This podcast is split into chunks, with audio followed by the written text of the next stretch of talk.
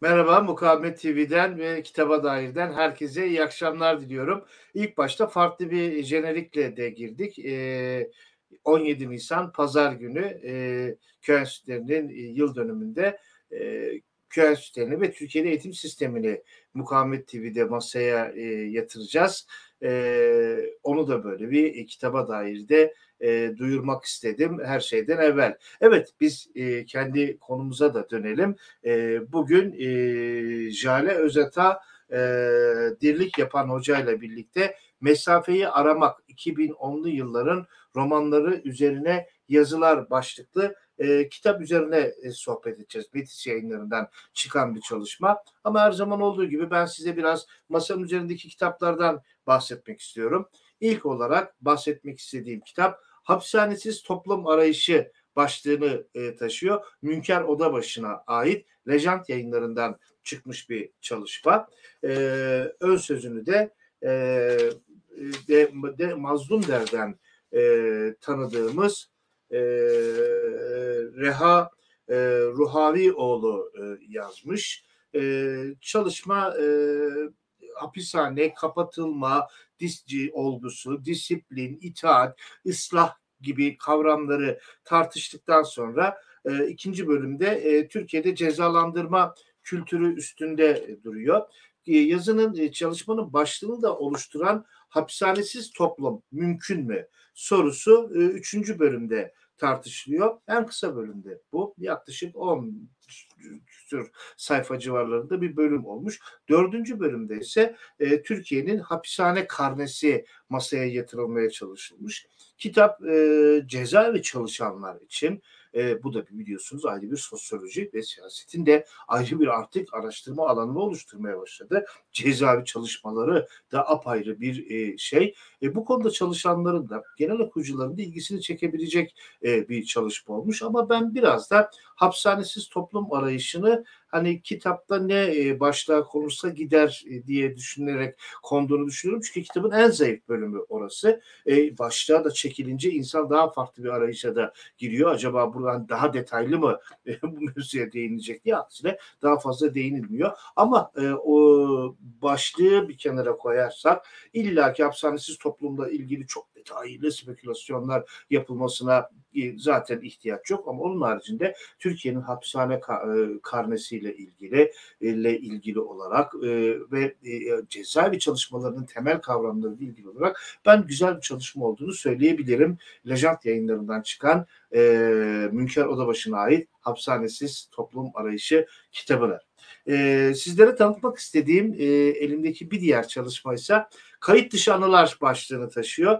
20 diplomat anlatıyor e, başlığıyla verilmiş. E, çalışma e, da e, Ender Arat koordinatör olarak görev alıyor. E, 1900 e, 2010'lu yıllarda emekli olmuş. 1960 sonları 70'lerin başında büyükelçilik görevine, daha doğrusu dışişleri görevine, diplomasi görevine atanmış olan, göreve başlamış olan, 2000'lerin ilk 10 yıllarında da emekliliğe ayrılmış olan, bu işe 40 yılını civarı mesleğe vermiş olan 20 farklı diplomatın e, anıları, minicik özgeçmişleri e, özetlenmiş. E, bir çalışmanın ben açıkçası hani e, 20 farklı yazar yaklaşık işte 400 sayfada ortalama 20 sayfa civarı falan bir şey düşmüş herhalde.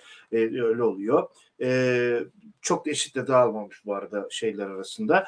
E, çok oradan böyle Türk siyasi hayatıyla ya da Türkiye dışişleri politikalarıyla ilgili e, pek bir şey bulunabilir mi? Zan yani yok açıkçası. Ama e, özellikle iktisadi bilimlerin ya da işte e, siyasal bilgiler fakültelerinden nin e, büyük el işte diş işlerine yönelmek isteyen genç öğrencilerin mesleğe yıllarını vermiş e, diplomatların anılarıyla e, ilgili onlardan öğrenmek istedikleriyle ilgili güzel bir teşvik edici kitap olabilir diye düşünüyorum. E, tarihçi yayınlarından çıkan ve Ender Arat'ın koordinatörlüğünü yaptı. Hikmet Çetin de bu arada e, güzel bir ön söz yazmış. Kısa ama güzel bir ön söz yazmış. Kendisi de, de e, bir dönem Dışişleri Bakanlığı görevinde bulunmuştu. Hikmet Çetin Beyefendi'nin. E, bence güzel de bir çalışma olmuş. Kayıt dışı anılar başlıklı çalışma. E, masanın üzerinde tanıtmak istediğim bir diğer çalışma ise e, Kemal Anadolu'a ait e, bugün 80'li yaşlarında olan Türk siyasetinin e, mizahi uslubuyla e, ve duayen ismi sayılabilecek Kemal Anadolu'nun e, bir nevi anı kitabı diyebilirim. Tabii ki bu konudaki ilk kitabı da değil Kemal Anadolu e, Beyefendi'nin. E, 1960'daki 60 darbesinin hemen öncesindeki 20, 29 Nisan'da Ankara'daki e, o meşhur e, eylemlerle e, le bir aç şey yapıyor. O dönemde işte öğrenci e, Kemal Bey birçok anıya şeye yer vermiş, e, konuya yer vermiş. E, Kenan Evren hakkında suç duyurusunda bulunmasından 2003'teki o 1 Mart 2003'teki tezkereye, efendim e, Van 100. yıl davasına birçok anıya birçok şeye e, yer verilmiş. Ya keza zaten en uzun gün dediği de e, de baş bir oradaki bir anıyı buraya almışlar. E, en uzun günümdü dediği birkaç olayın iç içe geçti ama odak noktasında da e, 28 Nisan'daki o e-muhtıra dedikleri e, şeyin işte yer aldığı e, olayları Kemal Bey en uzun günümdü diye de özetliyor. E, siyasal hayat çalışanların bir anılara, bir şeylere e, hoşuna giden genel okuyucuların ilgisini çekeceğini düşündüğüm gayet e, rahat okunur, e, gayet hoş, hızlıca okunabilecek e, güzel bir çalışma olmuş. E, en uzun gün Kemal Anadolu'nun e, kaleme aldı ve Pankuş yayınlarından e, çıkan e, bu çalışma. Masanın üzerinde e, bugün paylaşmak istediğim bir diğer çalışma ise aslında roman ve e, pek e, bu işlere girmeyi e, e, zorlanıyor olsam da Tecelli Sercan Sırman'ın e, efendinin e, kaleme aldığı Savaş ve Kadın e, aslında bir e, roman elbette ki bir roman. Ama onun yanında e, işte e, Orta Doğu, savaş, kadın, e, mağduriyetler, e, mağduniyetler e, üzerine bir belgesel tadında da bir e, roman.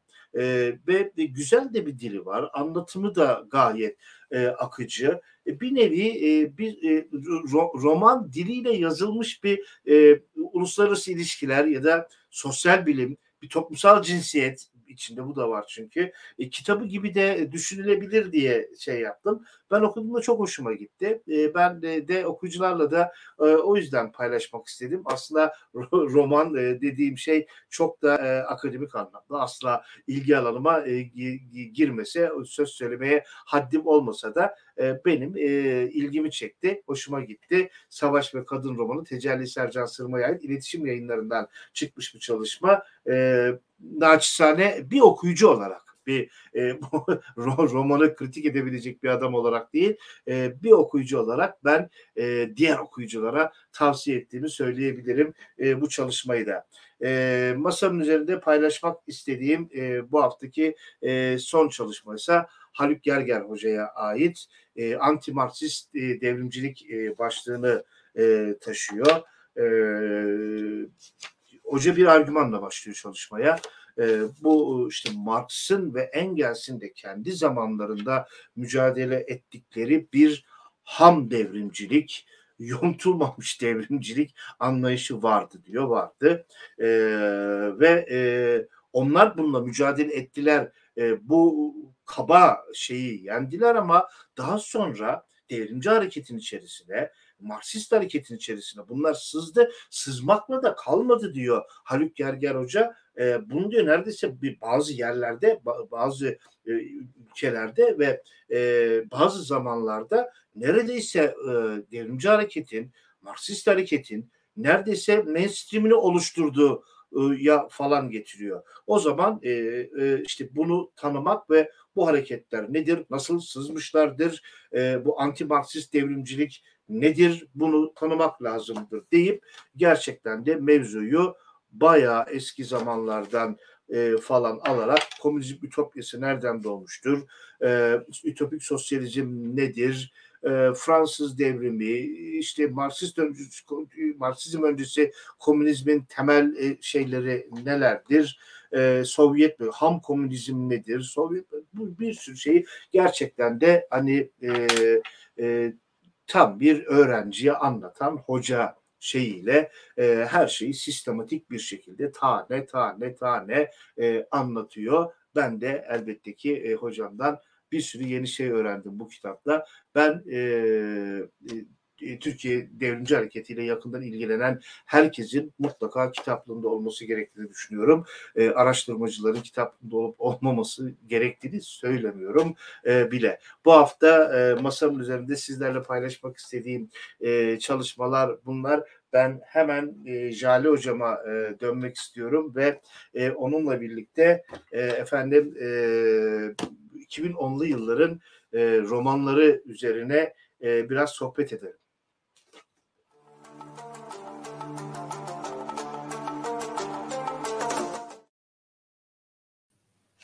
Hocam hoş geldiniz. Merhabalar, hoş bulduk. İyi akşamlar. İyi akşamlar diliyorum.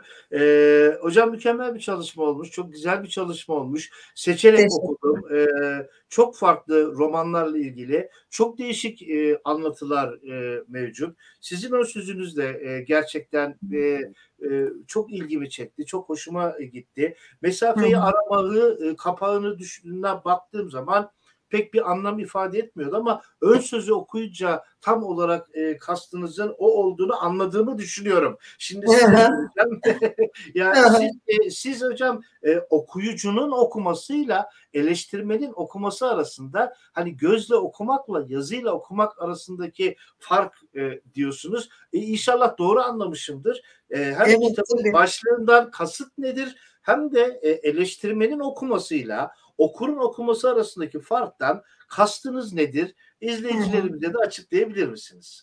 Tabii. E, tabii o şey gözle okumak, yazıyla okumak, e, dokunmak daha doğrusu. E, Roland Barthes'ın bir e, ifadesi.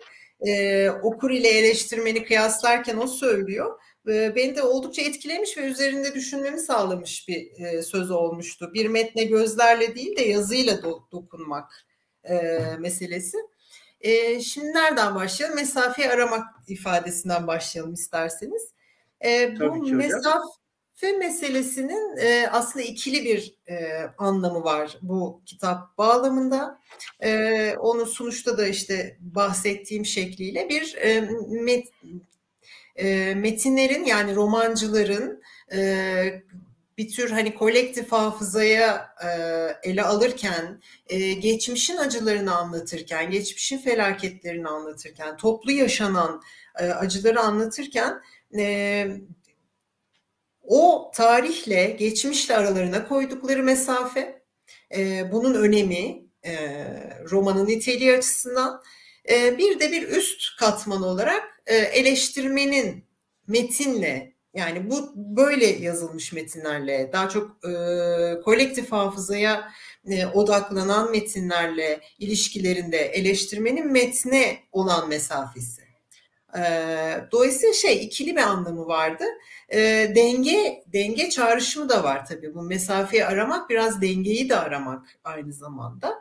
Özellikle de edebi bir hakikate ulaşmaksa derdimiz ya da onun peşindeysek e, hani çok satan bir e, kitle kültürü ürününe indirgemeden e, bir roman e, yazılıyorsa ve biz eleştirmenler de ona dikkat çekmeye çalışıyorsak o dengeyi mesafede gözetiyoruz aynı zamanda. E, böyleydi. E, hocam siz 3 e, yıla yakın bir süredir bu romanın Hı. üzerinde işte kafanızda, masanızın üzerinde e, uğraştığından evet. bahsediyorsunuz ve 15 evet. farklı e, roman 15 farklı yazar tarafından e, tartışılmış. E, peki evet. e, şimdi e, bunun e, e, siz bunların yani ne açıdan bir araya getirdiniz? Burada sizin orkestra şefi olarak rolünüz nedir? Roman e, romanı kritik eden ve bir de siz varsınız. E, evet. Burada hani bu bu üçlüyü e, nasıl e, bir araya getirdiniz? Ve bence de çok da ilginç bir e, deneme olmuş. E, bunu acaba hani ben e, kendi ilgi alanımda yapabilir miyim diye de ilk aklıma gelen de bu oldu. Hani böyle hemen kopya çekip e, acaba sosyal filmlerde de klasik metinler, onları eleştirenler ve onu edit eden birileri falan. Nasıl Buyurun hocam. Ya şöyle aslında bakarsanız hep bir serzeniş vardı. Ee, özellikle de romancılar, edebiyatçıların akademisyenlere yönelik, özellikle Türk Dili Edebiyatı alanında çalışan akademisyenlere yönelik e, çağdaş romanı, güncel romana, güncel edebiyata uzak olduklarını düşünüyorlar. E, haklılar da yani kısmen. E, tabii ki çok hani çalışmalarda yapılıyor, hiç yapılmıyor değil. Ama e, hali hazırdaki bu e, çokluk, fazlalık yani çok fazla roman yayınlanıyor bir taraftan ve arada nitelikli olanları kaybediyor muyuz, gözümüzden kaçıyor mu endişesiyle bir e, yol gösterme, bir eleştirmen e, müdahalesine ihtiyaç duyulduğunu e, hep hissediyorduk. Sosyal medyadaki tartışmalardan da hissediyordum. E, yani tabii ki bunu hani tek başıma böyle bir şeyin altına girmem çok zor olacaktı. Yani işte son 10 yılın e, Türk romanı e, başlıklı bir şey yapmaya kalksam, bir çalışma yapmaya kalksam kim bilir ne kadar hani uzun yıllarım alacak bir çalışma olurdu. Başta onu düşündüm, onun üzerine durdum. Hani bir projeye mi dönüştürsek, ne yapsak falan. Sonra şunu düşündüm. E, yazılarını keyifle okuduğum, önemsediğim, çağdaş edebiyatı, romanı takip ettiklerini bildiğim, duyduğum ama e, yazı yazmıyor, henüz yazı yazmamış olan ya da çok az yazmış olan akademisyenlere teklif götürmenin e, ve böyle bir hani derleme ortaya çıkarmanın daha iyi olacağına karar verdim. En azından yapıl, yapılabilme ihtimali daha yüksek göründü gözüme. Ee, öteki çünkü o romanların içinde kaybolabilirdim yani tek başıma bunun altından kalkamayabilirdim. Ee, biraz yazarların çoğu için teşvik gibi de oldu. Yani yazmak isteyip de yazamadıkları, henüz fırsat bulamadıkları şey bir itici güç oldu. Bakın böyle bir kitap çıkacak ve hani bunda sizin yazınız olması çok isterim diyerek te- teklif götürdüğümde benim rolüm aslında daha çok son dönem romanlarını çalışılmasını teşvik etmek oldu diyebilirim. Yani büyük oranda buna şey yaptım. Yani bir istek uyandırmaya çalıştım ama zaten herkes de çok büyük bir istekle ve şevkle kabul etti sağ olsunlar. Ee, ve böyle bir şey çıktı. Ama tabii asla yeterli görmüyoruz. Yani 15 roman son 10 yılı ya da işte 2010'ların romanını temsil etme noktasında tabii ki yeterli değil. Ee, ama ya bizde böyledir ya bir işe başlanırken şey çok duydum mesela. Ya nasıl yapacaksın? İşte yazacak bir, birilerini bulmak zor olur. Zamanda teslim etmeyen zorlar e, olur. E, pişman olursun girdiğine falan. O kadar çok şey negatif e, enerjiyle yüklenmiştim ki. Ama sonra bir noktada dedim ki ya günah ile sevabıyla hani çünkü biliyorum şey denecek ya şu roman neden yok, şu romancı neden yok, vay efendim şu eleştirmen niye yazmadı da o yazdı, niye bu yazdı. Bilirsiniz yani Türkiye'de çok dur böyle yani bu e, polemikler. Henüz çok şükür öyle bir şey duymadım ama ya da benim bilmiyorum şeyim beklentim o yöndeydi. Ama sonra dedim ki evet yani hatasıyla sevabıyla bir, bir, bir şey yapmış olacağız. Bir şey ortaya çıkmış olacak ve devamının gelmesini e, belki sağlamış olacağız. Başka isimler, başka derlemeler yapacak. Ve bu yolda kazançlı çıkan en nihayetinde Türk romanının son e, yazarları olacak. Yani onların çalışmaları ön plana çıkacak e, ve okunacak, merak edilecek bu şekilde belki. E, haklısınız hocam. Yani bir kitap editörlüğü yapmak e, sosyal bilimlerde bir mazoşizm türüdür. Ama mazoşizm diyorum ama işte sonunda gene zevk alıyorsunuz. Tabii. ama gerçekten ayrı bir işkence türüdür. İnsanın kendi kendine yaptığı ayrı bir beladır Tabii. bu kitap edit şey işi. Ama e, şeyi soracağım. E, romanları da siz mi belirlediniz hocam? Yani e, yazarlarla Şöyle, konuşurken roman yani roman yazar ve sizin aranızda hani onları da e, mı yoksa orayı serbest mi bıraktınız ya da daha diyalektik bir, bir git gel bir ilişki mi vardı diyalektik demeyeyim de. E, şöyle bir şey oldu. Bir e, uzun bir listem vardı hazırladığım. Yani e, 2010'ların romanlarını listelediğim, üzerinde epey çalıştığım böyle bir e, epey uzun bir liste vardı. Onları paylaştım. O, o listeyi paylaştım yazarlarla. E, ve e, birebir tartışarak karar verdik aslında. Yani onlar bir öneriyle geldiler. Bir bazı durumlarda ya e, acaba onun yerine şu romanı mı çalışsan daha hani iyi olabilir dediğim oldu.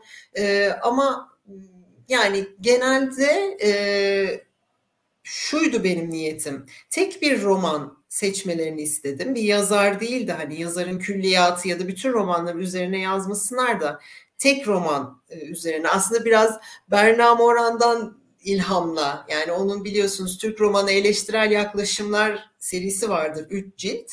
E, tabii o tek başına e, bunun altından kalkmış bir isim ama hala da çok okunur, çok e, önemli bir e, şeydir. E, kaynak kitaptır alanda. E, o da hani romancıları değil de tek tek romanları ele alır o ciltlerde ve onlar üzerine yazar.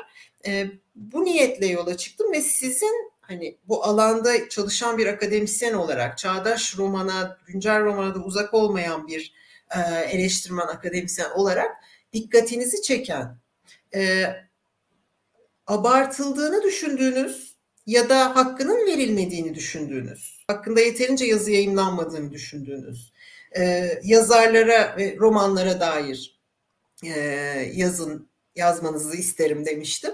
E, böyle başlamıştık yani.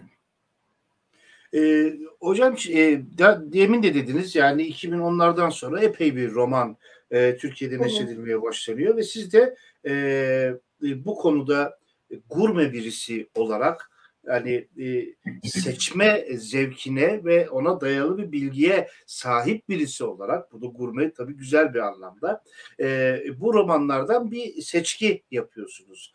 E, kriterleriniz neydi? Ve e, 2000'li 2010 2000'li yıllarla birlikte e, roman sayısında e, o, e, e, normal e, güzergahından daha farklı bir artış mı var? E, ya da böyle Türk romanı o tarihlerde daha fazla mı e, bir yayın vermeye başladı? Ve siz nasıl seçtiniz bunları? Yani, yani yaygın listeniz, yazarlara götürdüğünüz listenizi oluştururken ki temel kriterleriniz neydi? Hı hı. Ee, bir kere önce şöyle bir şey yapmaya çalıştım. Ulaşabildiğim kadarıyla, mümkün olduğu kadarıyla yayınlanmış bütün romanlara e, ulaşmaya çalıştım o listede. E, ve şu evet çok bariz bir şekilde bir artış söz konusuydu bir kere. Hani bir 2000'lere kıyasla e, bir parça artış söz konusuydu. 90'lara göre falan hayli hayli bir artış söz konusu zaten.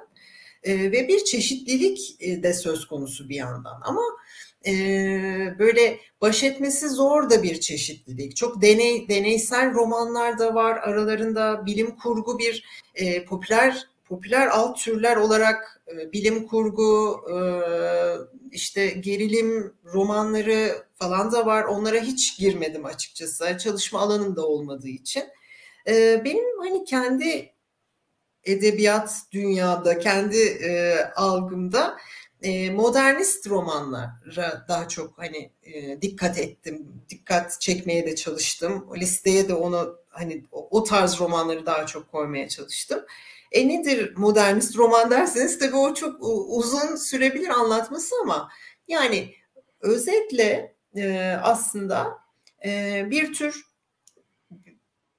bireyle toplumun iç içeliğini veren yani bir, bir bireysel bir hikaye anlatırken aynı zamanda toplumsal memleket meselesiyle iç içe geçmiş e, hi, hikayeleri veren ve bunu yaparken e, asıl şeyi önceleyen, önemseyen, nasıl anlatacağım meselesini önemseyen. Yani ne anlatacağına odaklanmaktan çok, daha doğrusu böyle bir birinci, ikinci sırada yapmak da istemiyorum ama nasıl anlatacağına yani bir hikayeyi, bir anlatıyı nasıl kuracağına e, çok ciddi kafa yoran metinler. Yani bunu siz okuruna da hissettiren metinler e, olmasına gayret ettim diyeyim. Yani kendi e, kontrol edebildiğim ölçüde. Ama mesela şeyler de var. E, eleştiri şöyle eleştiri yazıları da var. Örneğin Elif Şafak'a ilişkin Elif Şafak'ın e, son romanı sanırım. Ondan sonra romanı yayınlanmadı bildiğim kadarıyla. 10 dakika 38 saniye romanına ilişkin e, Mehmet Fatih Uslu'nun yazdığı yazı herhalde derleme içinde şeyle oldukça farklılaşıyor eleştirel tonuyla. E, şimdi şeydir ya böyle özellikle farklı çevrelerden farklı etiketler yiyen Orhan Pamuk, Elif Şafak gibi isimler üzerine akademik mesafelenerek e, eleştiri yazısı yazmak biraz cesaret de ister, zordur da. E, şimdi Orhan Pamuk farklı açılardan eleştirilir. İşte e, Elif Şafak aynı şekilde. Bu yazının tonu mesela e, beni çok heyecanlandırmıştı. Yani tamam hani eleştiri böyle olur. İşte linçle eleştirinin farkı budur e, dediğim noktada çok heyecanlandırmıştı. O dediğim gibi şeyle biraz ayrı duruyor metin şey diğer metinler arasında e, eleştirel tonuyla ve e, sertliğiyle diyeyim tırnak evet. içinde. Ama bunu e, arka planını sağlam tutarak, zeminini sağlam tutarak yaptığı için bir tür şeye dönüşmüyor yani husumet ya da bir e, yazarla bir derdi var bu eleştirmenin gibi bir evet, şeye evet. dönüşmüyor. Evet, o da çok kıymetli. Tabii ki. Ee, şeyler de bu ro- romanlarda e, önceden belirlenmiş olmamakla birlikte e, bir takım ortak temaların da olduğunu söylüyorsunuz. Evet. Anımsama, geçmişle hesaplaşma, travmalar çevresinde dönen, geleceğe dair bir beklentisi olmayan ya da bu beklentisizliğin acısını şimdiden çıkartan ve onu delik deşik eden ya da geçmişe saplanmış metinler diyorsunuz. Yani of, evet, e, çok bu... uzun cümlelerden kurtulmam lazım acilen. çok uzun cümleler kuruyorum da yani siz okuyunca gene onu fark ettim. Evet. Yo, yani e, bu bunlar e, 15 romanı işte ana hatlarıyla özetle denilince sizin aklınıza evet. gelenler. Ben doğru anlıyorum değil mi?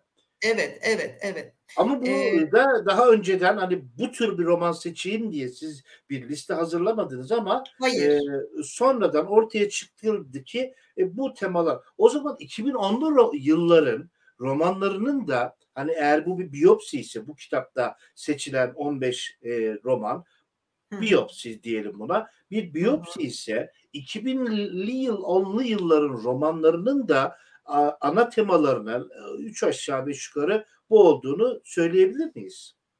Ee, evet. Ve neden tabii ki bu böyle bir şeye doğru Türk romanı gitmiş olabilir diyeyim ben. çok hoş bir me- mecaz oldu biyopsi gerçekten hiç öyle düşünmemiştim ama e, ufuk açıcı gerçekten. Şöyle şimdi Başta tabii ki bir sezgim vardı benim. Yani bir üç yıl diyorum ya o üç yıldır benim masam hep böyle son dönem yayınlanmış romanlarla doluydu. Mümkün olduğunca takip etmeye çalışıyordum. Hani çok fazla yayınlanıyordu ama ben elimden geldiğince hani hızla edinmeye ve okumaya çalışıyordum. Ee, ve şunu sezmiştim. Sezgi düzeyinde evet bu e, işte mesela darbe 80 darbesi dönemine e, konu alan ya da e, içinde bir e, tematik bir kanal olarak barındıran romanların sayısında bir artış var. Yani e, işkence anlatımında bir artış yani ya da en azından hani bir artış mı demeli ona ama belirgin bir şey var yani gö, gö, gösteriyor kendini yani bir yüzeye çıkmış bir şekilde bunu mesele edinmiş ben e, işkenceyi nasıl anlatırımı da mesele edindim. Şimdi edebiyatta bir de böyle bir sıkıntı var yani. Bu tür ağır ağır meseleleri anlatırken nasıl cümle kuracak e, romancı, bunu nasıl anlatacak?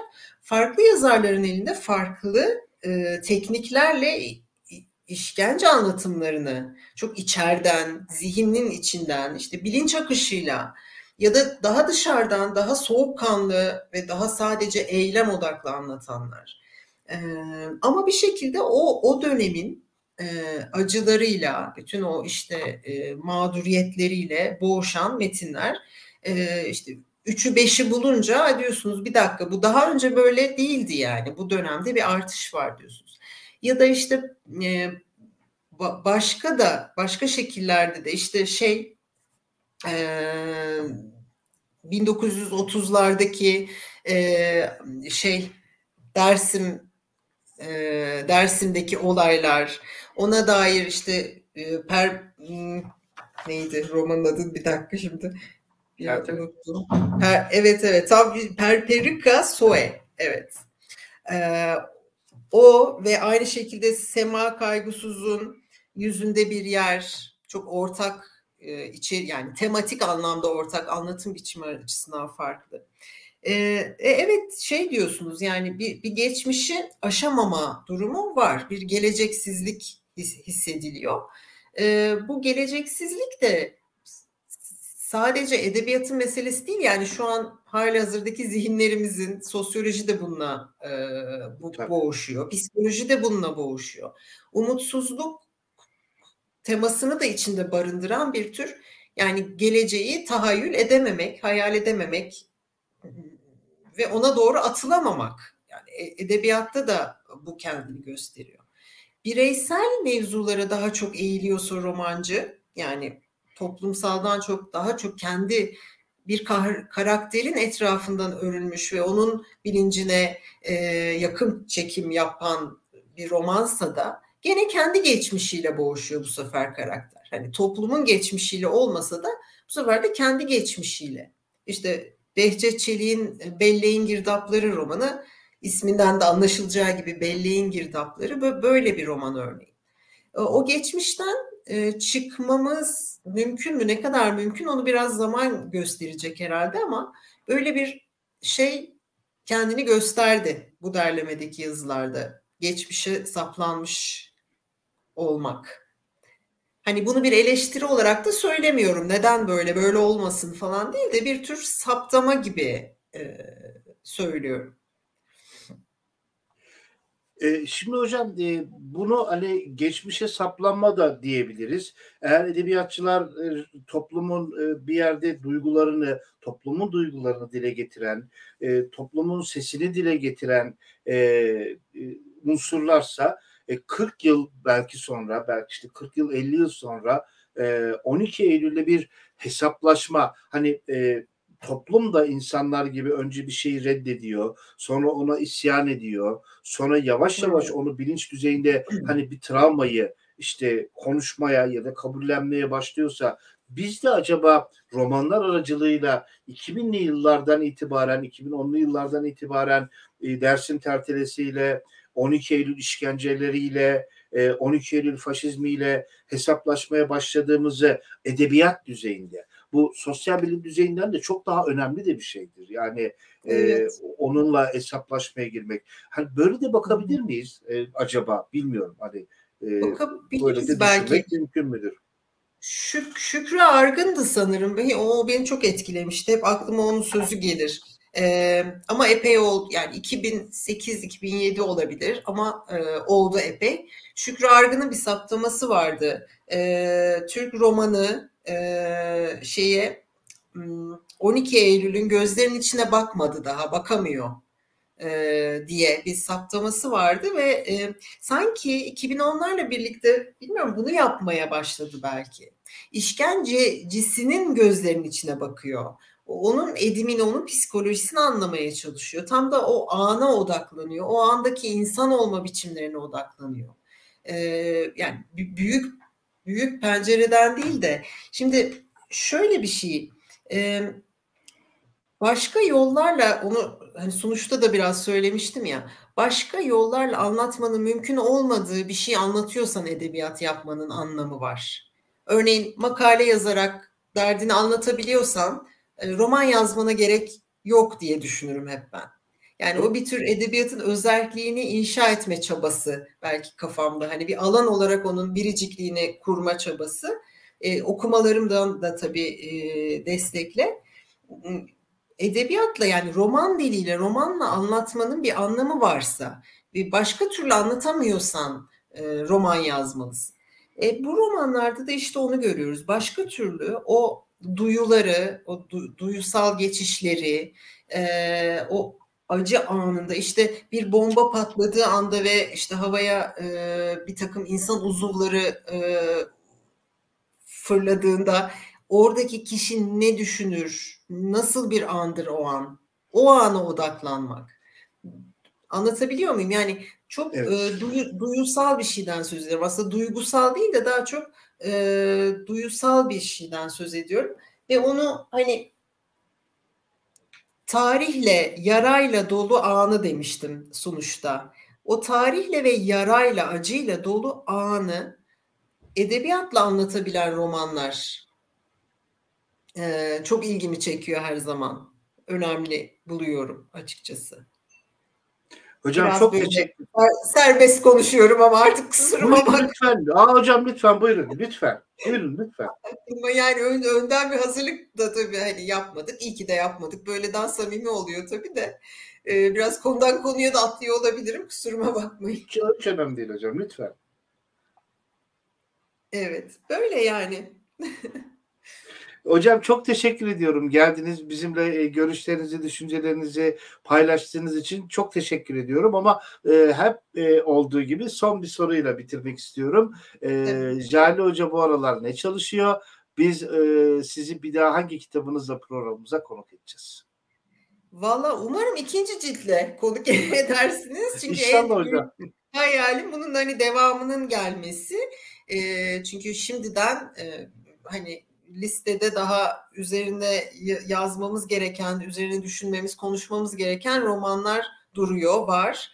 Ee, bir 15 daha, bir 20 daha çıkar, çıkmalı e, diye düşünüyorum. Umarım biraz hani dinlenip şu kitabın keyfini sürdükten sonra tekrar böyle bir çalışmanın içine girmeyi çok isterim. Ee, değerli yazarlarımızla birlikte umarım. Ee, o yüzden şu ara açıkçası akademik anlamda siz de öylesiniz herhalde. Yoğun da bir dönem. Evet. Bir yandan öğrencilerin işte sınavları, vizeleri, şey ödevler, tezler vesaire. E, şu ara açıkçası çok yoğunlaştığım bir şey olamadı o, o yüzden. Bu kitaptan sonra henüz ama sırada bunun ikinci cildi var diye evet. sizin de okuyucularınıza evet. böylece bunu da böyle bir muştulamış haber vermiş olalım. Hocam evet. tekrar tekrar çok teşekkür ediyorum katıldığınız için. Ben teşekkür ediyorum. Için. Çok sağ olun davet ettiğiniz için. Estağfurullah hocam. Bir kitaba dair daha sonuna geldik. Ee, görüş ve eleştirilerinizi e, lütfen e, kitaba dair et metekankaynar.com.tr adresine yazmayı unutmayın. Jale Özet'e dirlik yapan hocaya tekrar çok teşekkür ediyorum e, ve herkese iyi akşamlar diliyorum. İyi akşamlar sağ olun.